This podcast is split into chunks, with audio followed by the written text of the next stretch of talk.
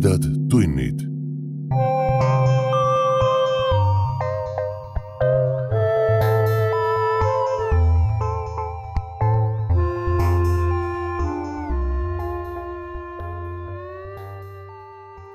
tere, hea ulmesõber. sa hakkad kuulama õudus- ja ulmejutu vestmis podcasti Tumedad tunnid, suvise järjejutu neljandat ja ühtlasi viimast osa. mina olen saatejuht Priit Öövel. Kui sattusid siia juhuslikult, siis mine esimese osa juurde tagasi ja kuula, kuidas lugu alguse sai. mina ja Aiki loeme teile neljanda osa Veiko Belialsi ulmejutust Surnud mehe käsi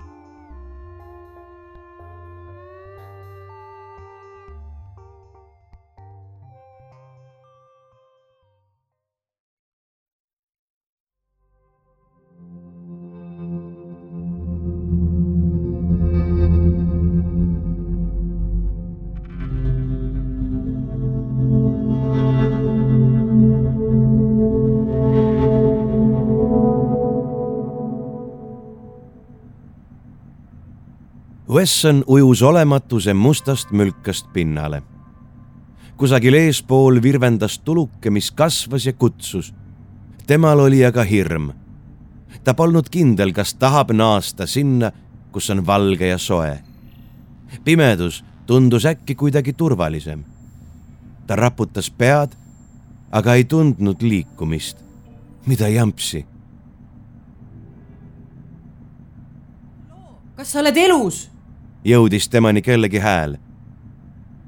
tal oli ähmane tunne, et see pole esimene kord, kui see hääl sama küsimust küsib. suu kuivas. juua, kähistas ta, aga hääl ei kuulanud sõna. keegi surus ta sõrmed ümber millegi ümara. värisevate kätega tõstis ta selle suu juurde. vesi pilt hakkas selginema. tema kõrval seisis Seera, kulm kortsus. pikkamööda hakkas mälu tagasi tulema. ja mida rohkem talle meenus, seda jubedam tal hakkas. ta üritas aru saada, kus ta on, haakida end reaalsuse külge. aga seegi näis olevat viga. ta meeled ei leidnud korraga ühtegi pidepunkti tema isiklik kaart oli puhtaks pühitud. tühjus, täielik tühjus, mitte midagi, ei mingit kaarti, ei mingit asukohta. alati oli vähemalt kusagil serva peal see osa kaardist, mida ta tundis. alati oli kusagil turvaline maailm, kuhu ta kuulus. alati oli seal näha tema asukoht. praegu ei olnud midagi valge, lõputu tühjus ja niit, sirge ja peenike nagu laiba kardiogramm. ta klammerdus selle külge, nagu uppuja klammerdub nöörijupi külge. ta sikutas, tiris, keris seda paaniliselt aina edasi, et näha, kuhu see viib, lootes, et selle teises otsas on midagigi. ükskõik, mis see siis ka oleks, kõik oli parem kui see tühjus, mis ta meeltes valitses ja kui see miski siis nähtavale ilmus, oleks ta selle niidiotsa peaaegu käest heitnud. nii suur oli ta ehmatus. kaardi asemel oli mingi tilluke kera. ja ometi oli see miskit pidi loogiline. vaistlikult aimas ta, et kõik tema kaardid pole muud kui mikroskoopiliste pragude võrgustik selle kera pinnal me, me oleme kosmoses, päris ta lõpuks vaevaliselt. Seera noogutas. see selgitas mõndagi. ta oli kaardistatud aladelt lihtsalt liiga kaugele jõudnud. niit keset tühjust polnud muud kui aju katse kaardile jätkuvalt uusi alasid kanda.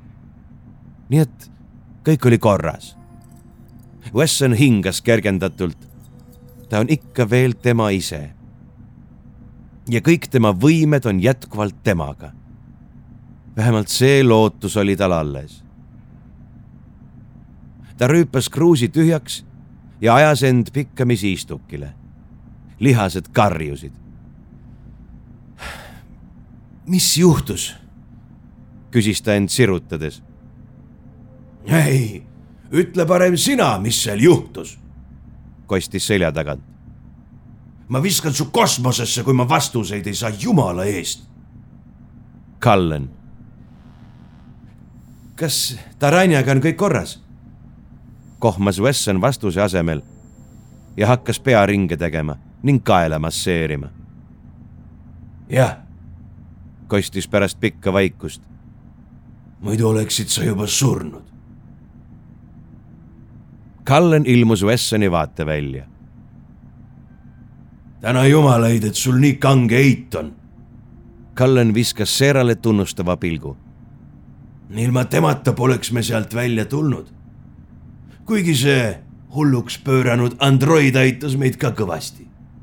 suurema osa sõnnikambast pani ju tema maha. mis teie vahel juhtus? mida ta plaanib? Üks asi korraga, pomises Wesson lihaseid lõdvestades. Teie enne. ma pean ennast veel veidi koguma. ja mul on enne tarvis mõned lüngad täita. hüva venitas Cullen talle uurivalt otsa vaadates. Seera, kes näis pärast Wessoni ärkamist pisut rahunevat, astus eemale ja toetas end vastu lauda. mida sa kuulda tahad? Mis juhtus pärast seda, kui ma teadvuse kaotasin? ja miks me kosmoses oleme? noh, lühidalt öeldes hakkas see kuramuse android amokki jooksma ja tegi suurema osa meie tööst ära. meie pidime vaid vaatama, et talle mitte ette jääda. ja kuna ta ajas ühe sõnni laevadest ära, siis me arvasime, et oleks tark tegu sama teha. ta on pool planeeti läbi sõitnud. Me oleme tal üritanud silma peal hoida ja lootnud, et sina suudad meile nõu anda, kui lõpuks teadvusele tuled. Wesson tõmbus pingule. kus ta käis? nõudis ta. ja kuhu me lendame? me ju jälitame teda praegu, on mul õigus? Cullen noogutas. jälitame. vargsi ja distantsilt. Ja käis ta paljudes kohtades. üks neist oli see, kuhu te koos läksite. äkki sa ikkagi räägid, mis toimub? kuhu ta lendab? lõikas Wesson.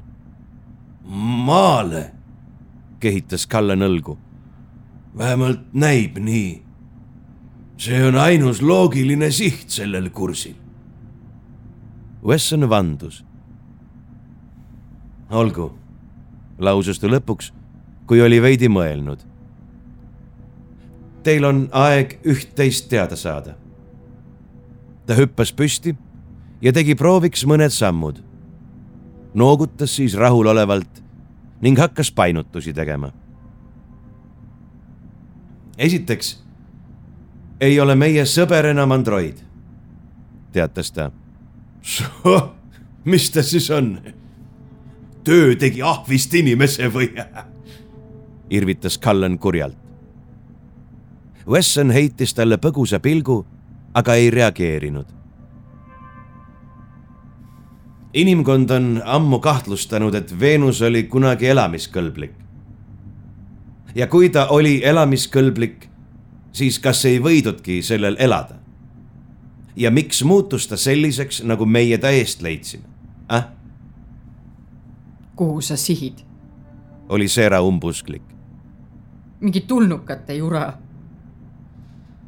pigem olnukate, muigas Wesson Veenuse suurt saladust, mäletate? mis see siia puutub? ei taibanud Cullen. kurat, mees, ära hüple ühelt teemalt teisele, kui lubasid rääkida, siis räägi. mis te arvate, mida sõnn mind otsima saatis? Egas ometi Veenuse suurt saladust? turtsatas Seera. nimelt, noogutas Wesson aga mida ainumaski hing ei tea, on see, et ma leidsin selle juba aastaid tagasi. Cullen ja Sarah kummardusid seda ise tähele panemata lähemale. see on artefakt, mis tõestab, et Veenusel on olnud või seda on vähemasti külastanud mõistuslik elu. energiaallikas, mida sa mainisid, taipas Cullen. Wesson noogutas. nii ma arvasin. ja ilmselt arvas ka sõnn. aga ei, see on midagi peenemat ja ulatuslikumat, sest seekord leidsin ma selle taas, aga teisest kohast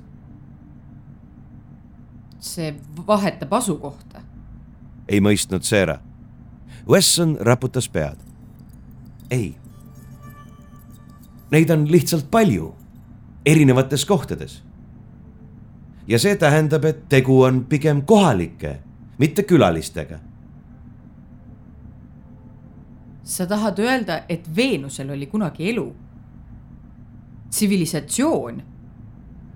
jaa Nad arenesid palju kõrgemale tasemele kui meie, aga lõpetasid samamoodi. keerasid oma planeedi kuninglikult persse.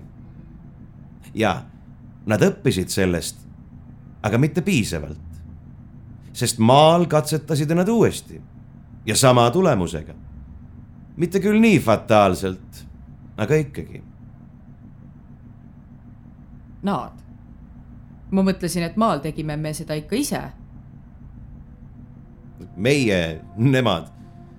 mis seal vahet? meie olemegi nemad. versioon kaks punkt null.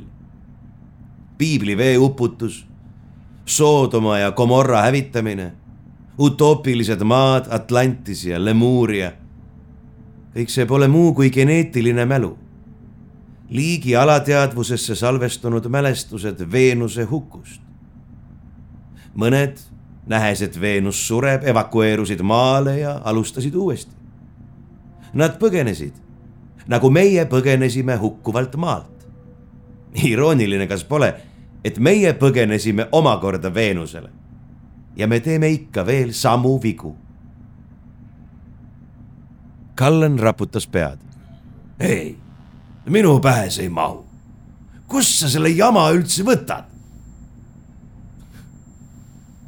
Oleks see siis jama? ohkas Wesson. see, mis ma leidsin. ma pidasin neid helendavaid silindrikesi mingiks energiaallikaks. nagu akud või patareid või midagi. näib, et tegelikult on need urnid. paremat sõna ei oska ma välja mõelda. anumad milles säilitatakse surnud veenuslaste energeetilist olemust. nii et selles mõttes on tõepoolest tegu energiakandjatega. seal on nende tuum, teadvus, hing, kui tahate. Need tohutud tornidega koobastikud pole muud kui hiiglaslikud kolumbaariumid. surnuaiad täis kapsleid surnute hingedega häda on selles, et see hing ei ole meie mõistes surnud. mis te arvate, mis juhtub, kui see ühendada kehaga, millel puudub oma teadvus? Seera silmad läksid õudusest pärani. näis, et ta hakkab taipama. see kuubik? küsis ta. jaa sõnn saatis ta energiaallika järele. ja nii see android seda ka oma arust kasutas. Jorka jälitas mind. ja kuna ma õnnetul kombel sattusin järjekordse surnuaia peale, leidis ta ka kapslid. ta ühendas ühe neist oma süsteemiga, et kontrollida, kas see on energiakandja. tulemust te nägite. teadvusele, millel puudus keha ja mis oli oodanud kurat teab kui kaua, anti äkki keha, kus oma teadvus puudus. Kupras veresauna korraldades oli Jorka juba iidne veenuslane, mitte sõnnimarionett. ja ikkagi, kuidas sa selles nii kindel oled? Wesson lõpetas harjutuste tegemise ja istus. Mõne hetke vaikis ta mõtlikult ja tõstis siis pilgu. ma pole kunagi aru saanud, mis minuga toimub, lausus ta vaikselt. ma olen alati olnud pisut teistsugune. mul on mõningaid võimeid, mida teistel ei ole. mu maitsmismeel on teistsugune ma hakkasin alles praegu mõtlema, et äkki ei ole see juhus. Äkki pole see midagi muud kui atavism. aastatuhandeid tagasi hääbunud rassipärand, mis minus pead tõstab. mis siis, kui ka see, et ma neid surnuaedu leian, pole juhuslik. äkki ma tajun neid kuidagi alateadlikult. seda energiat mida nad mingil tasandil ilmselt kiirgavad. kurat. Nüüd ma hakkan aru saama, mis juhtus, kui Jorka oli sõnni maha lasknud. teiste nägusid nähes Wesson vakatas. õige, sellest ei ole ma ju veel rääkinud, taipas ta. ta hõõrus mõtteid kogudes oimukohti Jorka lasi pikema jututa sõnni maha. ma ei saanud tükk aega aru, miks. aga tal polnud teda lihtsalt enam vaja. Kõik info, mida sõnn teadis, oli Jorkal juba olemas.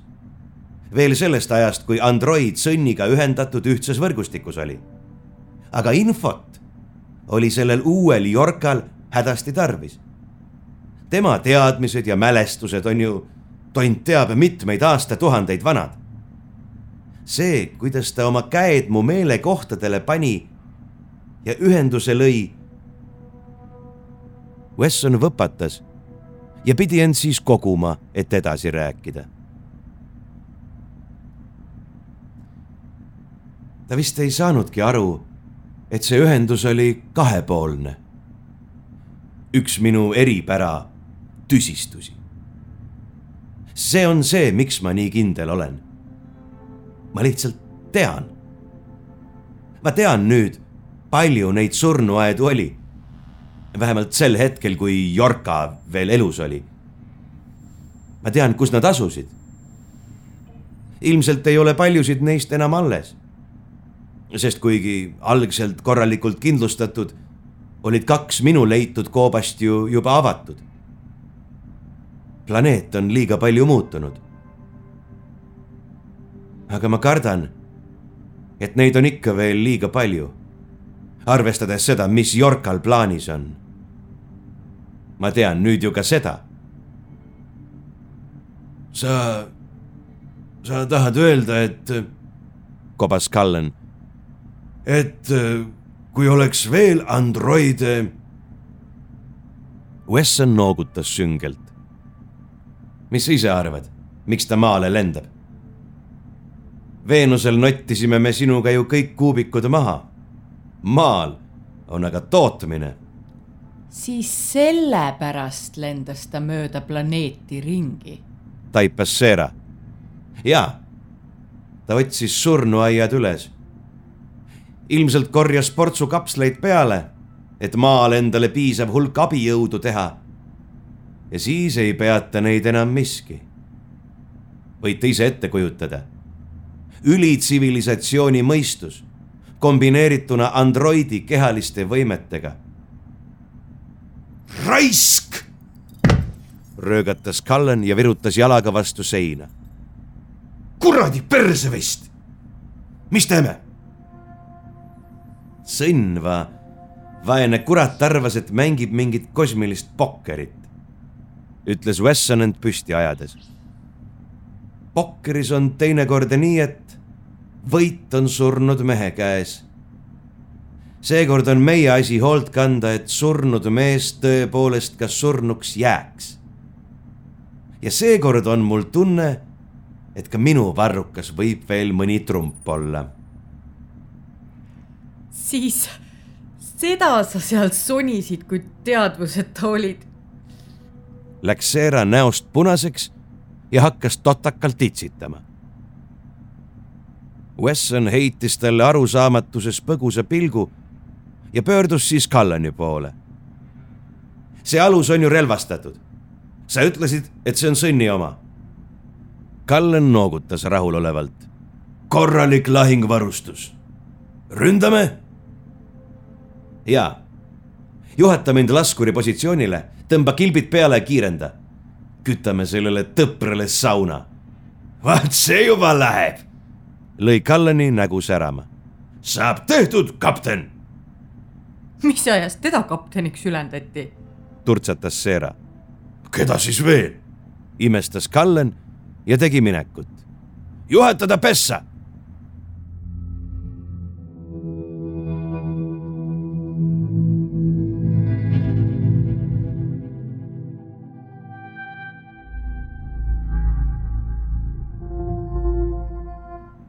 Wesson sättis enda mugavamalt istuma ja haaras juhthoovad pihku. keha kuulas juba piisavalt sõna ning ta andis süsteemile käsu kontrolliprotokoll läbi teha. kokpitis hakkas vilkuma punane valgus. hei, see Neeto Turell on ju lukus, hõikas ta ekraane seirates mikrisse. mingit turva juurdepääsu jama. ja see vana mudeli küna nõuab käejälge kuulge, kuidas te selle üldse ära ajasite? minu meelest pole te kumbki suurem asi häkker. oota. kostis kõlaritest Seera hääl. kohe tulen ja võtan blokeeringu maha. Wesson tõstis üllatunult pilgu ja jäi kõlarit jõllitama. mis mõttes? tulen, võtan maha. hetk hiljem puges Seera külge ees sisse. kas seda sillalt ei saanud teha. porises Wesson, kes pidi end koomale tõmbama. ei, siin on eraldi käeandur ja see on integreeritud juhthoovale. lase mind korraks. Wesson pidi end veel rohkem kokku pakkima ja see oli ta niigi halavatele lihastele liiast. Seera tõstis konsoolile mingi laeka ja tegi selle lahti. Wessonil kukkus suu ammuli ta jõllitas Seerat uskumatul pilgul. mis on? nähvas Seera. Wesson raputas juhmilt pead. ei midagi, ma lihtsalt, kuidas kurat sa sellise asja peale tulid? ise sa muudkui sonisid, surnud mehe käsi, surnud mehe käsi, kui me su leidsime. õiendas Seera laekast labakätt välja võttes kurjalt. mis ma siis tegema pidin? Ma mõtlesin, et see on tähtis. Wesson luksatas, tõstis siis naljatlevalt käed ja näitas, et on vait. Seera heitis talle mürgise pilgu, surus sõnni maha lõigatud käe juhthoovale ja noogutas rahulolevalt, kui punane vilkumine konsoolil rohekaga asendus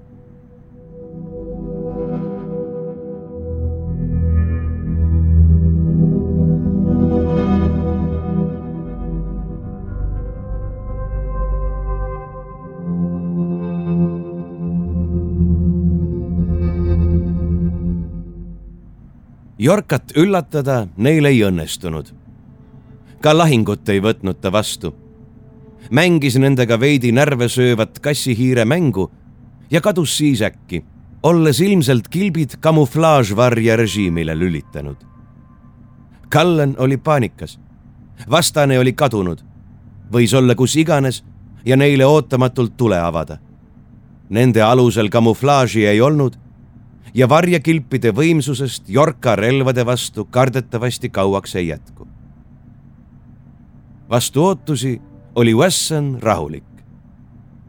esmane paanika oli üle läinud ja mida enam ta mõtles, seda rahulolevam naeratus ta näole ilmus. tema vastas oli lihtsalt järjekordne Sergio Leone. Wesson oli salaja lasknud pardaarvutil baaris ühe Crimson Cloudsi segada ja siis sellele järele hiilinud. Cullen oleks ta ilmselt maha löönud, kui oleks teada saanud. aga nüüd oli ta tänu sellele valmis. lihased ei valutanud enam. ta oli pardakahuritega kokku kasvanud. kõik servod ja juhtmed olid nüüd tal lihased ja närvid. sihikuristid hõõgusid otse silmapõhjadel ning ta reaktsioonid olid kiiremad kui valgus. ainus, mida ta kartis, oli see, et Jorka ei ründa, vaid laseb vargsi jalga, hiilib maale ja viib oma plaani ellu. aga ta lootis, et nad näevad liiga abitud välja, et nähtamatuse petlik eelis ja kiusatuse neist lahti saada on liiga suur, et sellele vastu panna.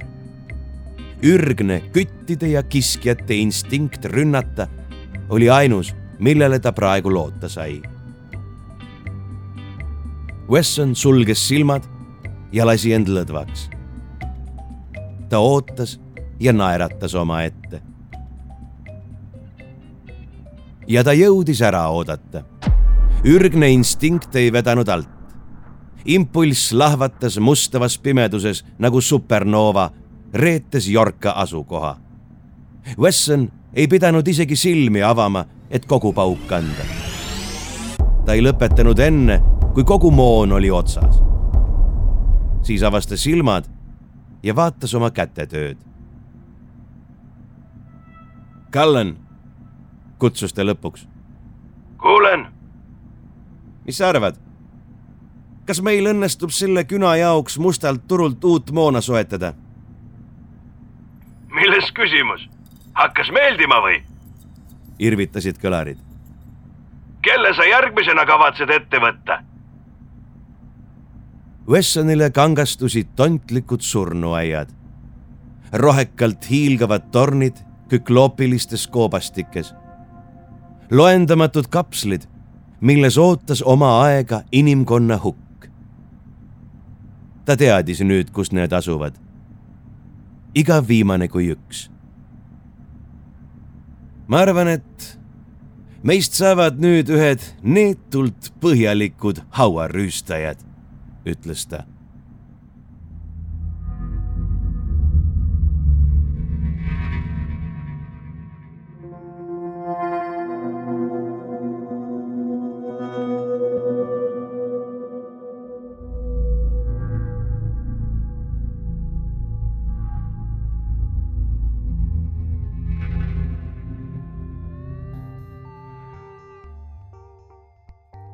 Te kuulsite viimast osa Veiko Pelialsi ulmejutust Surnud mehe käsi. jutt on ilmunud Veiko Pelialsi samanimelises autorikogumikus, mille andis välja kirjastus Lummur kahe tuhande kahekümne esimesel aastal. selleks suveks on järjejutuga ühel pool. puhkame natuke, päevitame ja kogume uueks sügishooajaks jõudu. järgmine looduslikus ja loomulikus keskkonnas ette loetud osa jõuab teieni juba septembris. meie toetajaid püüame uue jutuga üllatada aga juba augustis. kui tahad sellest ja ülejäänud viieteistkümnest Tumedad tunnid ekstra osast osa saada, siis hakka meie toetajaks lehel patreon.com kaldkriips tumedad tunnid. ühtlasi, kui tahad kvalifitseeruda meie detsembris välja antavatele reaalsetele füüsilistele kingitustele, nagu meie audioarhiiviga mälupulk või T-särk, siis on praegu liitumiseks viimane aeg. vaata lähemalt patreon.com kaldkriips tumedad tunnid. seni aga jagage meid sotsiaalmeedias oma sõprade ja vaenlastega. kõhedate kuulmisteni